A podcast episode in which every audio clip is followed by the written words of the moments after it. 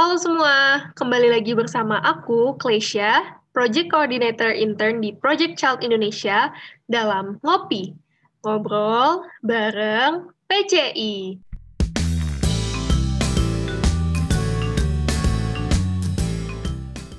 Hari ini spesial sekali nih karena kita memperingati Hari Pendidikan Nasional. Dan kali ini aku ditemani oleh seseorang yang hebat dan keren banget, yang biasanya kita sebut sebagai pahlawan tanpa tanda jasa. Nah, silakan nih memperkenalkan diri dulu, Kak. Oke, terima kasih. Halo Klesia dan teman-teman semua di mana pun kalian berada. Uh, perkenalkan nama saya Alfadeo Adi Putratama. Nah, saya biasa dipanggil Aldo. Oke, ya. halo Kak Aldo. Gimana nih kabarnya, Kak? Oke, baik di sini walaupun pandemi tetap menjaga kesehatan dan puji Tuhan baik kabar saya. Nah, oke. Nah, teman-teman seperti yang sudah disebutkan Kak Aldo tadi, jadi Kak Aldo ini pernah menjadi guru di SMP Satap Boa di Rote ya, Kak ya? Iya, betul.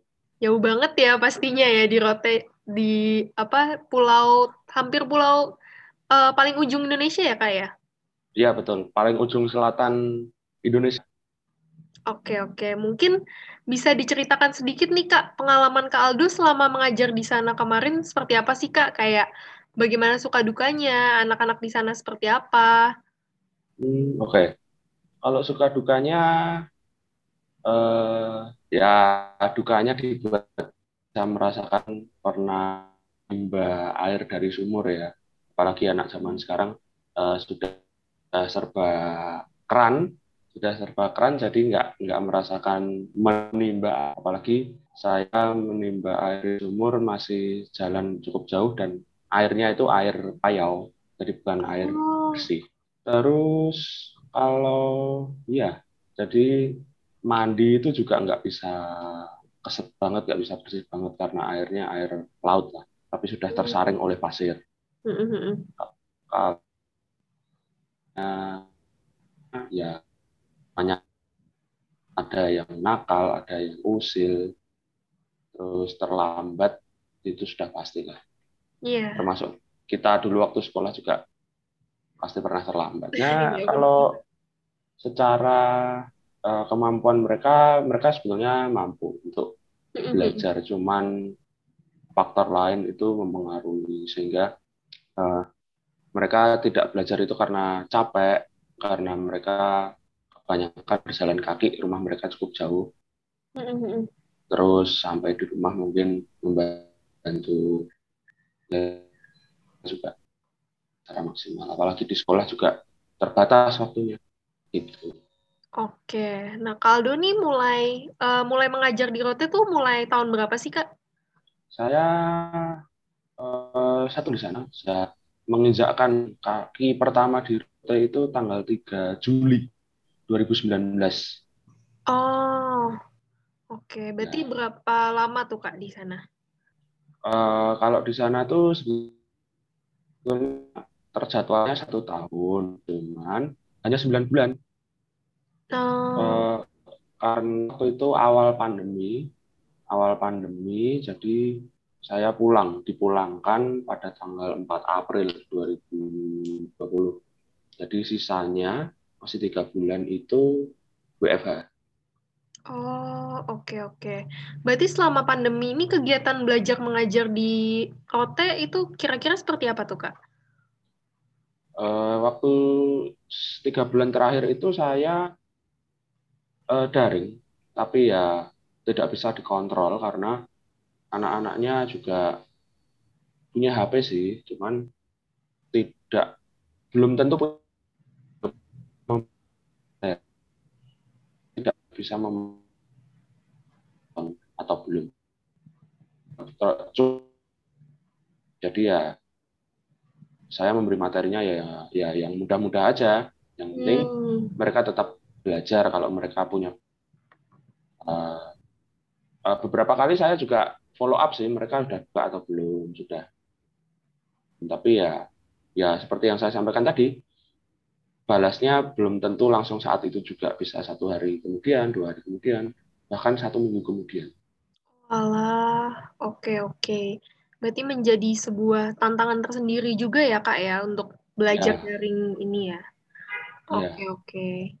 Nah eh, ngomong-ngomong nih kak, kan ini Hari Pendidikan Nasional nih dan eh, masalah pendidikan di Indonesia tentu nggak sedikit ya. Nah dari yang research yang aku sudah mulai cari-cari nih kak, sebenarnya ada beberapa nih kayak misalnya di tahun 2010 eh 2020 satu dari seribu siswa SD itu putus sekolah kak. Kemudian eh, presentase angka apa namanya ATS tertinggi itu berada di kelompok umur 16 sampai 18 tahun di mana dari 100 anak berumur 16 sampai 18 tahun 22 di antaranya tidak bersekolah. Nah, dan juga ada uh, masalah di fasilitas juga nih. Nah, ada lebih dari 70% ruang kelas di setiap jenjang pendidikan tuh rusak dan rasio angka melek huruf nih uh, hanya mencapai 0,97 persen. Padahal ini menjadi salah satu indikator uh, Sustainable Development Goals nomor 4 tentang kualitas pendidikan. Nah, kalau di Rote sendiri, uh, apa aja sih Kak yang sebenarnya bisa dikategorikan sebagai uh, masalah? Karena Rote itu kan juga daerah yang termasuk pelosok ya di Indonesia. Mungkin ada beberapa yang bisa di-sharing kan gitu Kak? Uh, Oke, okay. mungkin kita perlu menggarisbawahi ya. Kalau saya menganggap bahwa Rote itu bukan blok karena pembangunan sudah hmm. baik. Jadi pelosok itu sebetulnya tidak. Cuman kalau daerah yang terluar, ya karena berada di perbatasan. Apalagi Rote itu batas selatan Indonesia. Nah, khususnya di Boa sendiri, di Boa di Rote Barat, Kecamatan Rote Barat, itu saya menganggap, saya menilai bahwa BOA itu sudah termasuk maju. Sudah termasuk maju. Jadi sistem manajemen di desa sudah baik, terus fasilitas umum bagi masyarakat kategorikan. Namun kalau secara pendidikan, menurut saya eh, masih perlu ditingkatkan. Hmm, okay. Nah, uh, dari yang dikatakan uh, Klesia tadi, ada ATS yang anak tidak sekolah, terus 70 apa yang melek huruf itu saya mengalaminya di sana. Jadi memang uh, okay. ada ya banyak faktor. Salah satunya mungkin memang lingkungan atau dari anaknya sendiri yang sudah tidak mau sekolah. Jadi walaupun saya tidak bisa mengatakan tidak tahu pastinya yang putus sekolah berapa saya tidak tahu, tapi ada beberapa saya melihat. Walaupun gimana ya, tidak serta-merta putus sekolah. Jadi statusnya mereka itu siswa, tapi tidak masuk sekolah karena banyak faktor. Oh, jadi tetap Kemudian, status siswa gitu ya, uh, uh, tapi uh, merekanya nggak hadir di kelas gitu ya kak ya? Ya, itu. Oke, oke. Terus kalau melek huruf, nah ini juga sebenarnya permasalahan yang uh, saya belum bisa, saya dan teman-teman saya waktu itu belum bisa menanganinya secara komplit karena juga waktu yang terbatas. Jadi memang khususnya di doa kelas 7, kelas 8, kelas 9 itu masih ada yang belum bisa baca. Ah, oke okay, oke. Okay. Masih ada yang belum bisa baca. Ya, walaupun mungkin kalau mengeja ya bisa, tapi kan kalau dilihat secara umur apalagi kelas pasti juga apa namanya lo udah umur segitu udah kelas segitu kok. Nah cuman ya itu tantangan juga kenapa saya belum bisa mendampingi mereka karena keterbatasan itu juga anak-anaknya juga punya kesibukan di rumah di keluarganya sehingga uh, apa waktu yang ada di sekolah itu memang benar-benar dimanfaatkan waktu itu sudah uh, ini ya budaya literasi membaca. Oh, oke okay, oke. Okay. Setiap pagi anak-anak diajak ke perpus sebelum pandemi diajak ke perpus untuk membaca buku-buku yang ada di perpustakaan entah buku apa itu nah selain literasi membaca itu juga sudah embed di situ embed itu tersemat jadi ambil pastikan di bukunya ke tempat semula nah itu kan juga bagian dari karakter disiplin Oh, oke, okay. menarik sih, menarik. Karena ya. uh, dengan mereka semakin sering membaca akan semakin uh, apa ya meningkatkan minat baca dan meningkatkan pengetahuan mereka untuk lebih luas lagi ya, Kak ya. Ya. Ya, walaupun waktu itu ya yang penting mereka mau baca dulu. Ah. baca dulu. Nanti lambat laun uh, semakin diperdalam sehingga nanti habis baca bisa ditanyain nih uh, tadi yang kamu baca apa? Hmm. Tanya apa? Uh, harapannya begitu. Jadi awal waktu itu memang anak-anak disuruh baca dulu. Ya kalau tidak bisa memaknai apa yang dibaca ya paling simpel tadi kamu baca buku yang judulnya apa kan paling gampang gitu. Oh, oke okay, oke. Okay. Oke, berarti program literasi itu sudah berjalan ya Kak ya sampai saat ini ya? Sudah berjalan sudah berjalan. Ya hmm. harapan saya tetap berjalan ya, karena saya kan sudah tidak di sana saat ini. Hmm, oke okay, oke. Okay. Berarti tadi dari fasilitas, segi fasilitas sudah sebenarnya sudah uh, sedikit uh, membaik ya dan terus uh, harapannya ke depannya akan terus membaik. Yang mungkin faktor-faktor lain yang cukup mempengaruhi ya seperti uh, minat belajar anak tersebut, lalu uh, mereka juga punya kesibukan sendiri di rumah masing-masing dan itu juga menghambat uh, pendidikan mereka. Kalau misalnya untuk uh, apa ya minat atau motivasi untuk melanjutkan ke jenjang pendidikan yang lebih tinggi itu bagaimana kak? Sejauh ini uh, ke anak-anak kelas 9 yang waktu itu saya ajar, mm -hmm. uh, sedikit yang berminat melanjutkan ke SMA. Jadi kebanyakan yang saya lihat uh, ke SMK, di sana kan ada SMK, uh, apa, yang jurusannya ada perhotelan, karena di Rote Barat itu adalah uh, daerah wisata, jadi banyak resort, banyak apa namanya resort ya bukan hotel. Di anak-anak masuk ke SMK itu supaya bisa bekerja di situ juga. Tapi juga saya juga ikut senang karena waktu itu saya pernah tanya ke kelas 8, ada yang ingin melanjutkan perguruan perguruan tinggi atau tidak? Ada. Bahkan oh, saya ada. apa ya? Ya. Bahkan saya ini tanya mau jurusan apa? Teologi gitu. Wah, menarik. Terus uh, uh, saya ini bujuk kalau kuliah nanti di Jawa saja. Iya Pak, saya memang pengen ke Jawa kalau kuliah gitu. Saya dalam hati juga seneng juga bangga. Hmm, ya ya ya. Akhirnya maksudnya ada juga yang uh, apa ya nggak ngestak di situ-situ aja jenjang pendidikannya, tapi ya. benar mau uh, mengembangkan dirinya lebih lagi karena kan kalau dari uh, sepengetahuan dan sepengalaman saya kalau mungkin anak-anak yang berada di daerah merasa mungkin karena orang-orang di sekitarnya uh, mungkin profesinya sebagai hanya sebagai uh, pekerja saja jadi mereka kurang berminat untuk uh, apa ya mempunyai cita-cita yang tinggi begitu ya kak ya? Ya tapi memang anak yang saya tanya itu memang dari keluarganya memang uh, ngepush supaya anak-anaknya sekolahnya yang tinggi. Oh. karena waktu itu sempat sempat kunjungan ke rumahnya juga dia punya kakak itu juga apa kuliah jadi memang keluarganya memang memfokuskan supaya anak-anaknya itu punya pendidikan yang tinggi. Hmm, oke okay, oke. Okay. Berarti dukungan keluarga juga ternyata penting ya kak ya karena. Ya betul. Mungkin saja ada eh, keluarga-keluarga uh, yang uh, misalnya ya udah kamu mendingan kerja aja bantuin keluarga daripada kamu melanjutkan pendidikan begitu. Ya, ada yang seperti itu ada. Itu tidak menutup kemungkinan. Di Jawa pun juga banyak seperti itu. Hmm, iya iya, oke oke. Nah, uh, kalau tadi kita ngomongin tentang uh, masalah pendidikan, uh, udah ngomongin juga tentang masalah cita-cita uh, dan melanjutkan uh, pendidikan ke jenjang yang lebih tinggi. Kalau dari kualitas uh, guru-gurunya itu menurut kakak sejauh ini bagaimana sih kak?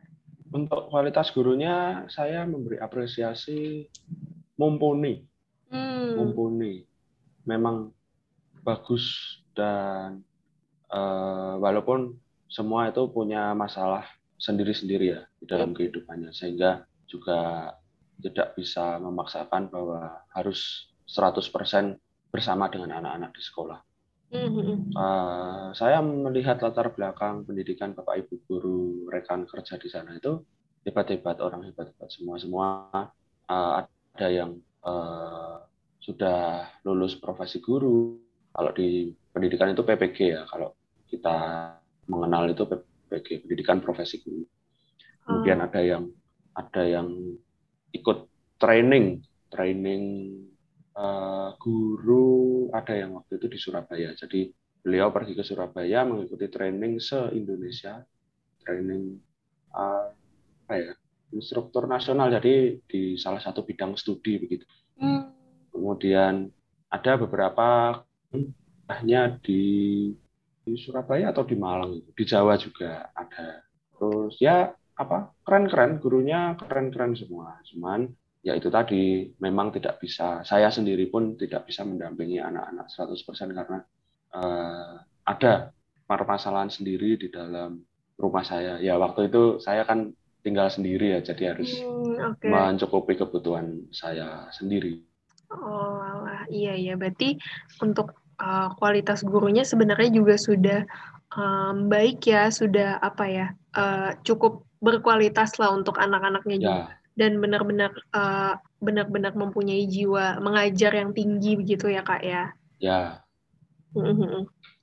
Oke, nah uh, kalau dari yang aku bisa rangkum nih kak dari obrolan kita yang sangat menarik ini, jadi kayak uh, dengan beberapa permasalahan yang ada, mulai dari masalah umum di Indonesia sampai masalah di Rote sendiri dan dari pengalaman Kak Aldo yang sudah pernah mengajar di sana, uh, sudah pernah berinteraksi langsung dengan anak-anaknya. Ternyata memang uh, beragam ya, mulai dari tadi banyak faktor, ada dari dukungan keluarga juga dan ada dari uh, dukungan yeah. dari pemerintah juga penting ya Kak sebenarnya dalam uh, kebijakan yeah. dan fasilitasnya. Nah, uh, harapan Kakak apa sih untuk pendidikan Indonesia ke depannya, terutama untuk di eh, daerah-daerah yang mungkin masih um, bisa dibilang uh, kurang dalam segi uh, kemajuan pendidikan. Ya, harapan saya jangan putus asa berdasarkan apa yang saya bergerak di situ karena alam bisa dijadikan guru juga sehingga harapan saya semakin menumbuhkan kreativitas di dalam belajar baik gurunya maupun siswanya dan jangan jangan pernah lelah untuk belajar apa pun itu. Yang hal-hal yang baik itu dijadikan sebagai guru dan pedoman untuk melanjutkan kehidupan sedangkan yang kurang baik dijadikan pelajaran. Jangan jangan diteruskan yang jelek tapi ubah sesuai kreatif supaya yang kurang baik itu menjadi baik dan bermanfaat Wah, keren banget Kak. Bener banget sih, aku setuju banget. Uh, dari apa pun kita bisa belajar ya, dari hal baik kita bisa jadikan pedoman, hal yang buruk juga kita yeah. bisa jadikan pelajaran. Jadi sebenarnya uh, dengan kehidupan kita sehari-hari sendiri juga sudah merupakan pembelajaran tersendiri ya Kak ya dalam hidup kita yeah. jadi pribadi yang lebih baik lagi. Oke, okay, uh, sebelumnya thank you banget nih Kak Aldo karena sudah mau ngobrol-ngobrol di ngopi ini bareng uh, saya dan bareng teman-teman yang lain untuk didengarkan nantinya. Semoga pendidikan di Indonesia bisa terus maju ya Kak ya dan kualitas Amin. dari segi kualitasnya, dari segi ya. fasilitas dan dari segi kebijakannya dan Semoga uh, di Hari Pendidikan Nasional ini semua guru maupun murid bisa terus semangat untuk tetap ya, melakukan kegiatan belajar mengajar meskipun masih daring ya ini ya sekarang mungkin ya. ya. Dan menjadi tantangan tersendiri tapi nggak apa-apa karena kita bisa belajar dari setiap tantangan yang uh, kita lewati gitu. Ya, Oke, sekian obrolan kita yang Wah, sudah selesai ternyata. sudah, Kak. Oke. Sekian obrolan kita yang nggak kerasa ya ini sudah udah berapa menit nih? Udah udah uh, 20 menit. Ya. ya. Gitu. Oke, kalau gitu, thank you banget Kaldo atas waktunya. Terima kasih juga.